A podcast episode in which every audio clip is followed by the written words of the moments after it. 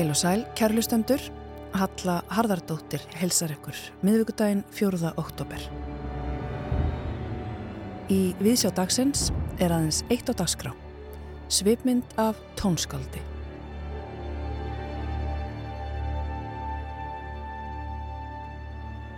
Anna Þorvaldsdóttir er einn af okkar fremstu listamönnum.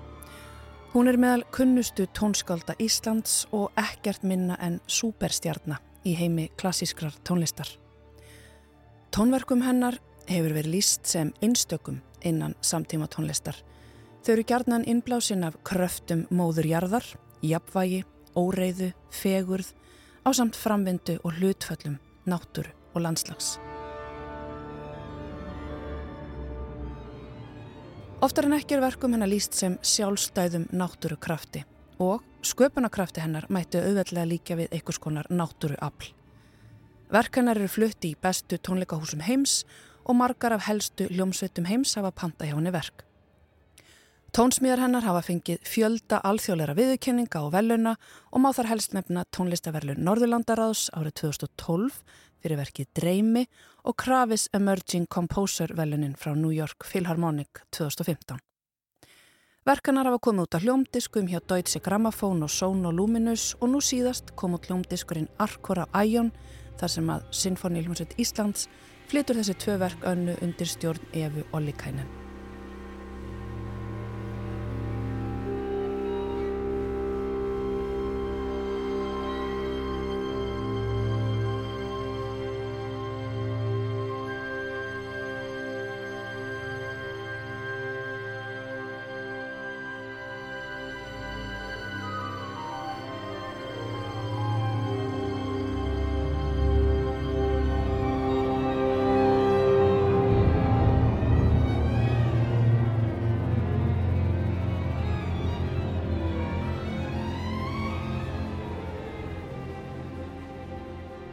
Anna ólst upp í Borgarnesi til 16 ára aldurs þar sem að hún læriði á cello frá 13 ára aldri. Eftir stútenspróf flutt hún til Reykjavíkur og hóf nám í tónsmíðum við Listaháskóla Íslands, það sem hún útskrifaðist 2004. Hún lög doktorsprófi í tónsmíðum frá University of California í San Diego árið 2011. Anna býr í Surrey á Englandi en ferðast afar mikið til að vera viðstödd fluttning á tónlistsinni viðsvegar um heim. Í dag er hún stött í Reykjavík til að vera viðstött tvenna tónleika Sinfoni Hljómsveitar Íslands þar sem að verk hennar verði í aðalutverki. Annað kvöld verður Æjón Sinfonían flutt í hörpu á samt cellokoncerti Elgars í flutningi Kían Soltanis og á fastudaskvöld verða fjögur verk eftir hann að flutt í Hallgrímskirkju. Hljómsveitaverkin Meta Kosmos og Arkora á samt Sálmi fyrir kór, Heir þú oss himnum á og tónverkið Ad Genua.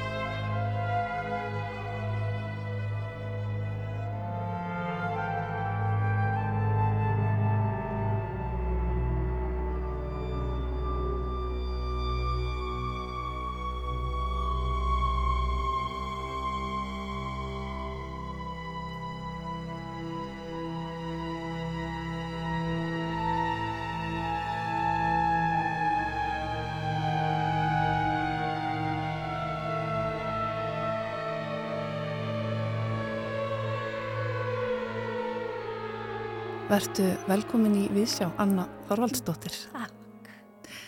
Við vorum hér, fórum hér inn í verkið Metakosmos. Uh, þetta er verk sem var frumflutt 2018 af New York Philharmoníunni. Fekk auðvitað rífandi og framúrskarandi dóma og hefur síðan verið flutt bæði í Berlín og San Francisco. Getur þú bara sagt mér frá þessu verki? Hvað, hvaðan kemur þetta? Sko, í rauninni held ég kannski fyrst og fremst að öll mín tónlist kemur rosalega mikið í leifinni að spretta mjög náttúrulega. Það er að segja í hvert skipti í, í byrjun þá leita ég mjög svona mikið í það hvað vil verki verða, hvaða inblástur er hérna sem kannski kveikir fyrsta neistan í verkinu og síðan eignast allar þessar hugmyndir bara endalös ákvami í gegnum ferlið og í tilfelli Metakosmos þá var það mjög snemma hluti af verkinu þessi náttúrulega, þetta náttúrulega jafnvægi og ójafnvægi milli óreiðu og, og fegurðar og svona hvað er sameinlegt og hvað er mjög ólíkt og hvernig förum við á milli þessara hluta.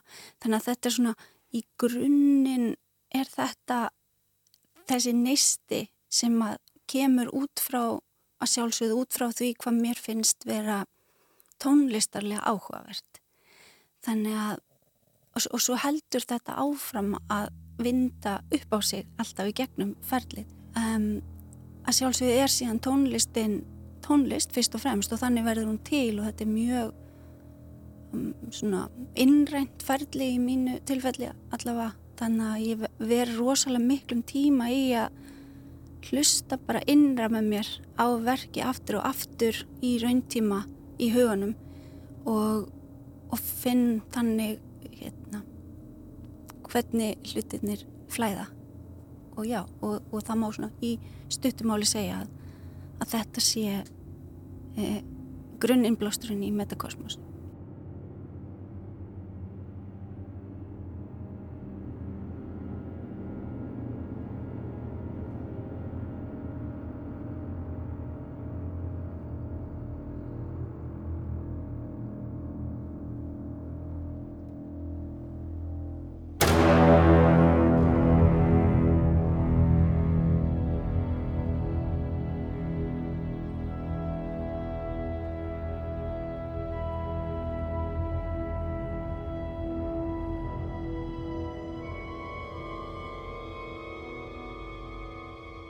Þetta er sami sérstaklega fyrir Fílharmoni í New York. Hvernig tekur þau með af því í ferðinu? Sko, já, þetta er alveg rosalega góð punktur og í mínu tilfelli, ég, ég er í, sko, öll verk sem ég skrifa eru pantanir frá hljómsutum eða hópum en ég hef alltaf algjört listrænt frelsi. Það er að segja að fólk treystir mér til þess að gera verk sem að sagt, á við í hver, hvert sinn. Jú, stundum höfum við auðvitað hljóðfara samsetningu og innan hennar þarf við að vera en hvað allt annað varðar að þá er ferlið mjög frjálst. Það er til dæmis mjög ólíkt fyrir kvikmyndatónskáld þar sem þú þart bóstallega að skrifa tónlist við senur en ég þarf ekki að gera það í tilfelli svona þessara tónleika tónlistar og, og, og það sem við og þessi verk sem ég gerir. Þannig að jú, ég, ég sagt, pantanir sem ég get tekið, það eru alltaf mjög, mjög opnar. Um, þannig að það eru auðvitað náttúrulega svona luxus að, að hafa það uh, og, og líka, kannski finnist einhverjum það ágóðakendi að hafa þetta algjör frelsi, en, en það henda mér afskaplega vel. Mm -hmm. En þarf þú að stúdara hverju hlómsett fyrir sig? Mm -hmm. Ég, sko, ég ger það alltaf í hvert sinn sem ég, eh, sko, oft er ég með pandanir sem eru síðan samsettra mörgum hljómsveitum, þar sé fleiri hljómsveitir koma að pöntuninni. En ég, og ég hef mjög gaman að því að fara inn í orkuna hjá hverju hljómsveit því að þú veist, þú getur verið, þú ert með kannski e, sama tónverkið með nákvæmlega sömu nótum og allt en það er alltaf manneskunnar í hljómsveitinni sem að bera verkin aðeins öðruvísi. Og það er svona að hafa allar þessar hljómsveitir til dæmis mismundi orku og það, já, ég fer alveg í það og mér finnst mjög áhugavert að kafa í það og, og svona uh, leifa þeim inblæstri líka að fara í verki og, og New York Philharmonic er einmitt mjög mikill partur líka af Metakosmos einmitt vegna orkunar þeirra svona fyrir mig persónlega en síðan auðvitað eru verkin þú veist, þau eru fyrir öll að spila þegar að þau eru tilbúin en, en jú, í byrjun. Mm -hmm. Það er alltaf áhugavert að skoða fólki á bakvið. Mm -hmm. Einmitt. Samstarfið líka við stjórnendur mm -hmm. eru þetta stór hluti af þinni vinnu. Hvað er mikilvægt að setja til staðar í þannig samstarfi? Sko, í þannig samstarfi eins og ég held ég bara örglega í flestum flestu samstarfi þá er það bara þessi gagkvama virðing og traust þú veist, það er það er að, að, að hérna, að stjórnandin treysti því sem tónskaldið er að gera og að það sé já, má kannski segja þess virði að gera og í, í öðru lagi, þú veist. Um, að sem tónskáld að þá treysti þá verður að treysta stjórnandanum til þess að gera sína vinnu. Og ég, mér finnst það bara dásanlegt, þetta er, ég til dæmis, ég sé alltaf, ég get til dæmis ekki spila á heila hljómsveit, þannig að þetta er alltaf í höndunum á öðru fólki að bera tónlistina, þannig að þegar ég er búin og set tvístrykið í lókina, þá, þá er það annara að taka tónlistina áfram og stjórnandi er mjög stór partur af því teimi. Mm -hmm. En hvenna finnst þér verki vera full mótað, full skapað? Já, það er, þetta er, hana, þetta er ferðlega, þetta er í nokkrum stegum því að um, frekar snemma í ferðlinu þá er ég komið með mjög sterk form fyrir verki. Það er eitt af því svona fyrsta sem ég hef því að það, mér er svo mikilvægt að vita hvert ég er að fara og hvaðan ég er að koma og, og hérna, hafa tilfinningu fyrir því snemma en verkið er ekki tilbúið þá og það tekur langan tíma að, að útsetja allt og útfæra og, og vera vissum að allt sé rétt. Þa, það sem að ég hugsa alltaf nummer 1 og 3 er að gefa mér og hafa nógan tíma og það er mjög misjönd hversu mikil tími þetta er fyrir hvert ferli fyrir sig en það sem allavega ég verða að hafa er að vita að ég hafi nógan tíma. En, eh, og þess vegna til dæmis þegar ég er með um, skiladag á mínu verki að þá er minn tímarami til að klára verkið lungu áður vegna þess að ég þarf að vita að verkið er tilbúið áður en að það fer uh, út í heiminn mm -hmm. og það, það henda mörgum að bara klára skila en það hendar mér ekki að því að ég þarf að koma aftur að því eftir svona mánuð er ég að meina þetta, er þetta alveg svo ávera já, ég held að, já, ok þá er það tilbúið veist, annars, annars er þetta fram og tilbaka þanga til að sá tímapunktur að koma. Einmitt.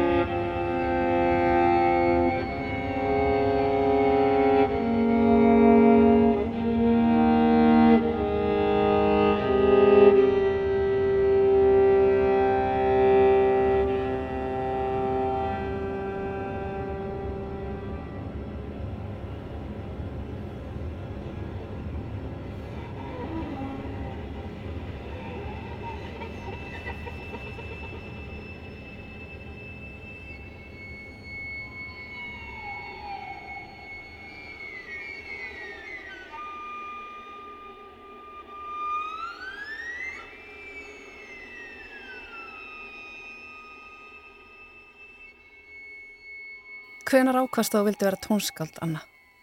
Sko, ég, mér finnst það eins og ég hafa aldrei ákveðið það. Ég, ég, held, auðvitað ákveðið það eitthvað nátt, veist, það er ekki alveg sangjant að segja það, en, en það meira eitthvað svona, svona náttúrulegt ferli sem varð.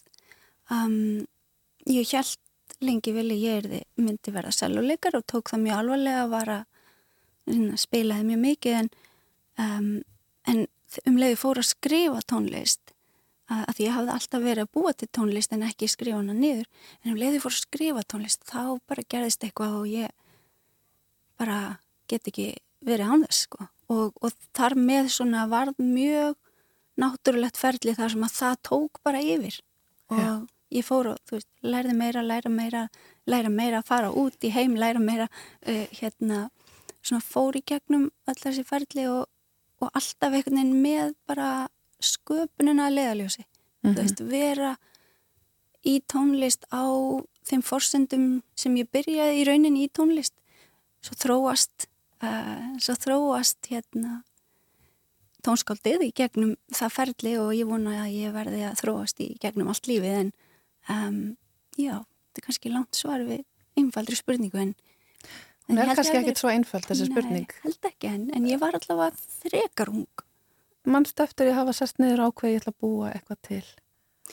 Já, já, sko, já, þá erum við náttúrulega komið. Nei, sko, já, ég meina, ég var alltaf, alltaf sem barn, þá var ég alltaf svona, lifði mjög mikið í tónlist, inn, innra með mér, þú veist, bara í heiminum og ég var alltaf að búa til eitthvað svona lög og ég var alltaf að syngja og, og búa til alls konar, en, en, en ég, það, það var bara meira lífið, mm. svona er maður, þú veist, þannig leiði mér, en svona eftir því sem ég var búin að vera að læra meira og meira á sellu og náttúrulega spila meira af skrifaðri tónlist og ég tala nú um þegar ég fór að læra meira nútíma tónlist og svona nýri tónlist þá gerðist eitthvað þar sem að bara hugurinn opnaðist upp og gátt og ég hugsaði já, vá, það bara má allt mm -hmm. og það er svo margt sem er hægt að gera og þá byrjaði ég sjálf að skrifa og þá Eh, þetta, þarna var ég samt kannski alveg orðin 18-19 ára þegar ég byrjaði að skrifa. Þannig að það hefur breytt öllu fyrir það að kynast nútíma tónskaldum? Já, öllu sko, alveg. Ég minna, ég, hérna, mér þykir mjög vænt um eldri tónlist og ég minna sem, sem selloleikari þá lærir mjög mikið af eldri tónlist auðvitað í gegnum námið. En að fá þessa breyðari veröld af hljóðum og, og tækni og hérna og formum, formgerðum því að í eldri tónlist þá erum við með mjög, oft mjög sterk og ákveðin form sem allt er mm -hmm. niðunjörfað í en, en fyrir mig var það mjög svona áhugavert að, að fá að sjá bara já það má grunlega allt, það má brjóta þetta form og það má brjóta þetta og það má gera svona hljóð og og þá svona bara blómstrar alls konar tré upp úr höfðinu.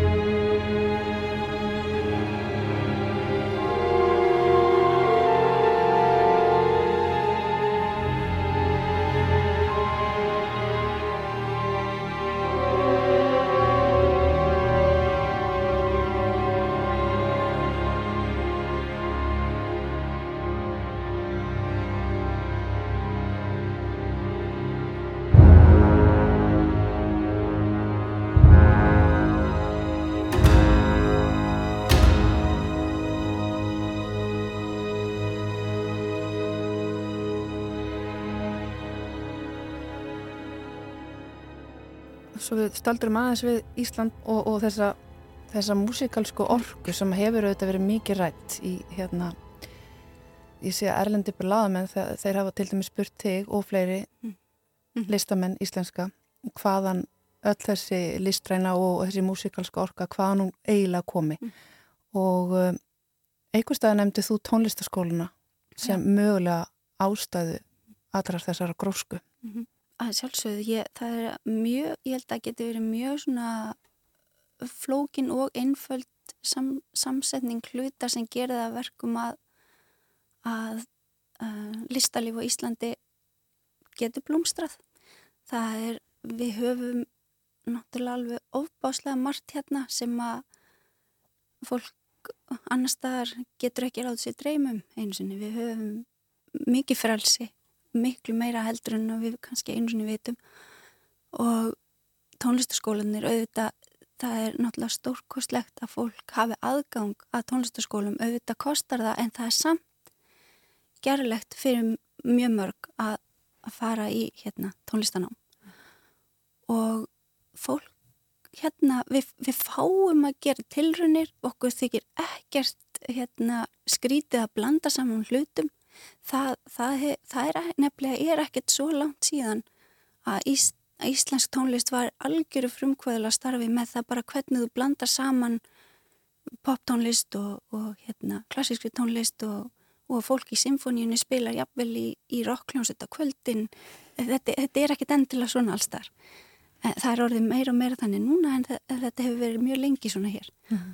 um, þannig já, ég held að það sé svona mjög og, og svo, svo hjálpar náttúrulega ekki til að þetta er svona þú veist, við erum svona eiga í Norðurhafi og það verður líka pínu framandi og, og hérna og, og svo eigum við um, kannski, kannski fyrst og fremst síðan mjög stórum tónlistarrísum að þakka hérna uh, vasaljósið á Ísland eins og Björg sem hann alltaf bara gerði allt til þess hérna það, við öll stöndum á, á aukslunum á henni sko.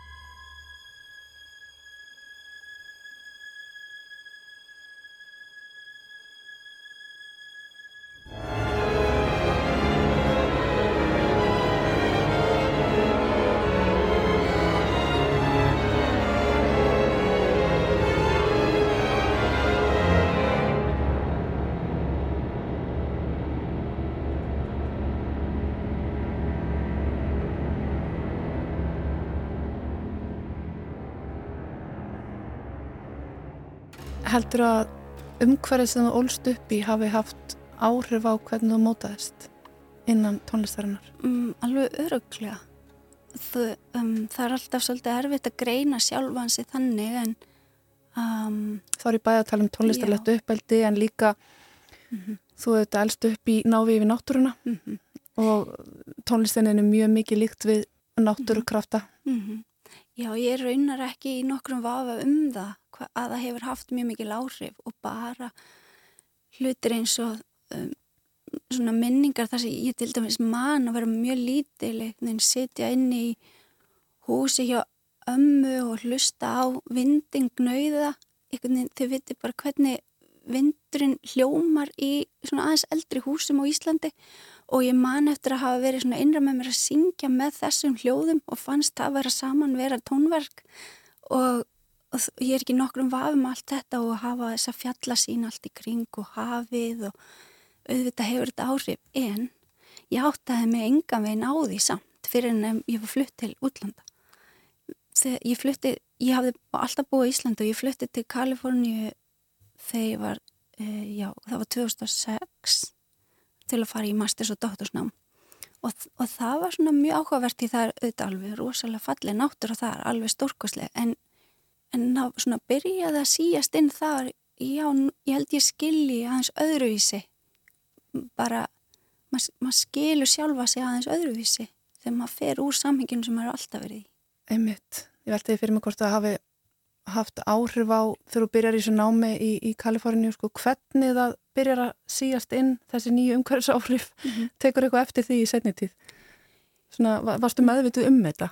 Sko þetta var nefnilega svolítið merkilegt í Kaliforníu fyrst af því að um, kannski til að svara spurningunni hvort ég er meðvitið um þetta og hvort ég taki eftir áhrifunum. Mm -hmm. ég get ekki sagt ég gerir það. Auðvitað þró, hefur tónlistin þróast uh, á ákveðin hátt og, og ég leifi mér líka að, að gera það þú veist, það er mjög uh, misjamt hvar ég er stödd hverju sinni en um, ég þannig ég get ekki sagt að ég tengi tónlistina sem ég skrifa við staðina sem ég býja á hverju sinni því nú hef ég búið á ymsum stöðum en, en ég man eftir að hafa tekið eftir því til dæmis í Kaliforníu hérna fyrst að ég þetta var líka á tíma og til dæmis kringus 2008 ég mann það var mjög mikið verið að tala um náttúrum vernd á Íslandi eins og náttúrulega alltaf og ég var mjög mikið svona taka þátt í því og, og þá var ég til dæmis mjög inblásinn af náttúru Ísland þótt ég væri í Kaliforníu. En það var meira svona orkan í mér á þeim tíma. Um, og það var líka svolítið fallett að vera með smá heimþrá þegar maður er að gera tónlist. Það getur verið mjög hérna góður inblástur í því. En til dæmis við fórum rosa mikið út í Eidumörkina í Kaliforníu. Hérna, sem er náttúrulega svo stórkoslega allt öðruvísi heldur en hér svona sand Eidumörkur og en ég, ég held að það sem að náttúrutengingin sem ég hef við tónlistina hefur meira að gera með uh, orkuna, hlutföllin og bara hérna þessa hugar og sem að fæst með því að vera út í náttúrunni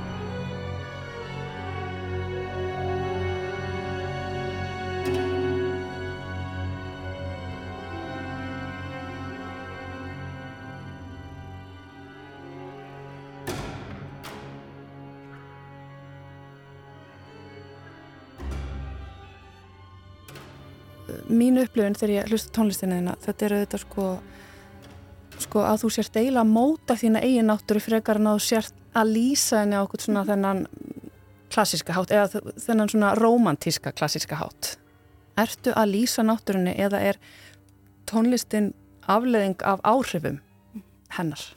Já, nákvæmlega miklu meira það því að ég, ég hef allavega aldrei leitast við að lýsa náttúru í tónlistinni minni, ég hef ég hef auðvitað sko stundum er ég meðvituð um áhrif sem hún hefur og það er þá kannski ef ég er að um, ég hef til dæmis verið að vinna með ákveðin efni við tónlist og hef hugsað já, það er ákveðin öll í náttúrunni þar sem að þetta gerist mjög náttúrulega og svona hugsa hvernig hvernig myndi ég skrifa það í tónlist en það er þá meira til þess að fá innblástur til að vinna með tónum mm -hmm. þannig ég, ég og, og ég hugsa aldrei um náttúruna sem e eitthvað romantíst afl í tónlist vegna þess að náttúrun er náttúrulega er, er í raunin ekkit romantísk hún, hún getur verið mjög hörð og, og, og grottaleg og getur líka verið mjög falleg og nett þannig að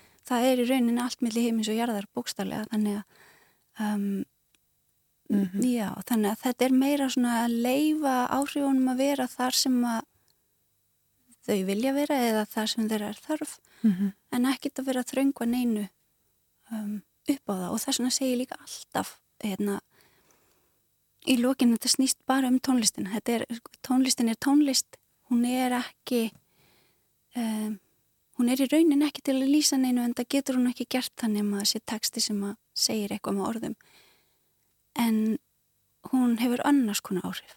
Mm -hmm. og mér þykir mjög vænt um það þegar að fólk nálgast tónlistina á sínum forsendum og fer í sitt eigið ferðalag með tónlistinni. Og það getur verið alveg bara stórkoslegt að hlusta á fólk hérna, bara hvert að fer í hugunum við að hlusta. Og það þykir mér vænt Emmitt, þú ert raun að lýsa það hér að sko tónlist þarf ekki að vera um neitt. Nei, hún bara er.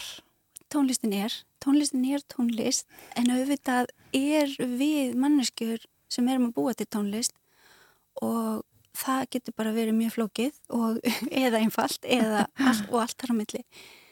Uh, og auðvitað er ekki hægt annað en þegar að þú ert manneskja ákveðin tíma þá litast þú af þín umhverfi á þeim tíma og því sem að er í í umhverfnu, umræðu og öllu lífinu. Og, og þess vegna er líka held ég að fólk vilja oft vita um hvað er þetta. En, en það er í rauninni ekki spurningin. Spurningin er kannski frekar svo hvað, hva, hvert var ferlið, hver var byrjunin? Vegna þess að í lokin þá er verk, hérna, verki bara mm. sitt eigið eins og myndlist sem hangir upp á vegg. Algjörlega sitt eigið afl Einmitt. í lokin með sitt sjálfstæða líf Akkurat. en þú hefur líka gert verk sem að vísa í samtíma okkar eins og mhm. Katamorphosis mm -hmm. þar sem þú ert ekki að fjalla um eitthvað en, en svona ert samt að vísa í náttúruvána og þessa tíma sem við lifum mm -hmm. ekki satt? Jú, sko það varð alveg svona meðviti ákverðin að því að ég, ég var að því að ég hef alltaf verið svona mjög óræð með all þessi hérna, áhrif og, og ekki vilja setja þau svona, svona bókstarlega við verkin. En í tilfelli katamorfósis þá var ekki tækt annað. Ég, ég hafði raunin ekki val. Bæði langaði mig líka að mér langaði líka að gera það vegna þess að það var mjög stert mjög sterkur partur af vin, vinslu þess verks. Og það var það einhvern veginn um, það var líka bara svo margt að gerast á þessum tíma sem ég var síðan að klára það verk. Uh, ekki bara um, var þessi náttúruvá sem að verkið er náttúrulega með, með í sínum bakgrunni heldur kom líka heimsfaraldur og, og þá líka kom svona auka áhyggjur af því erum við nokkuð að fara að gleima hérna stóra samhenginu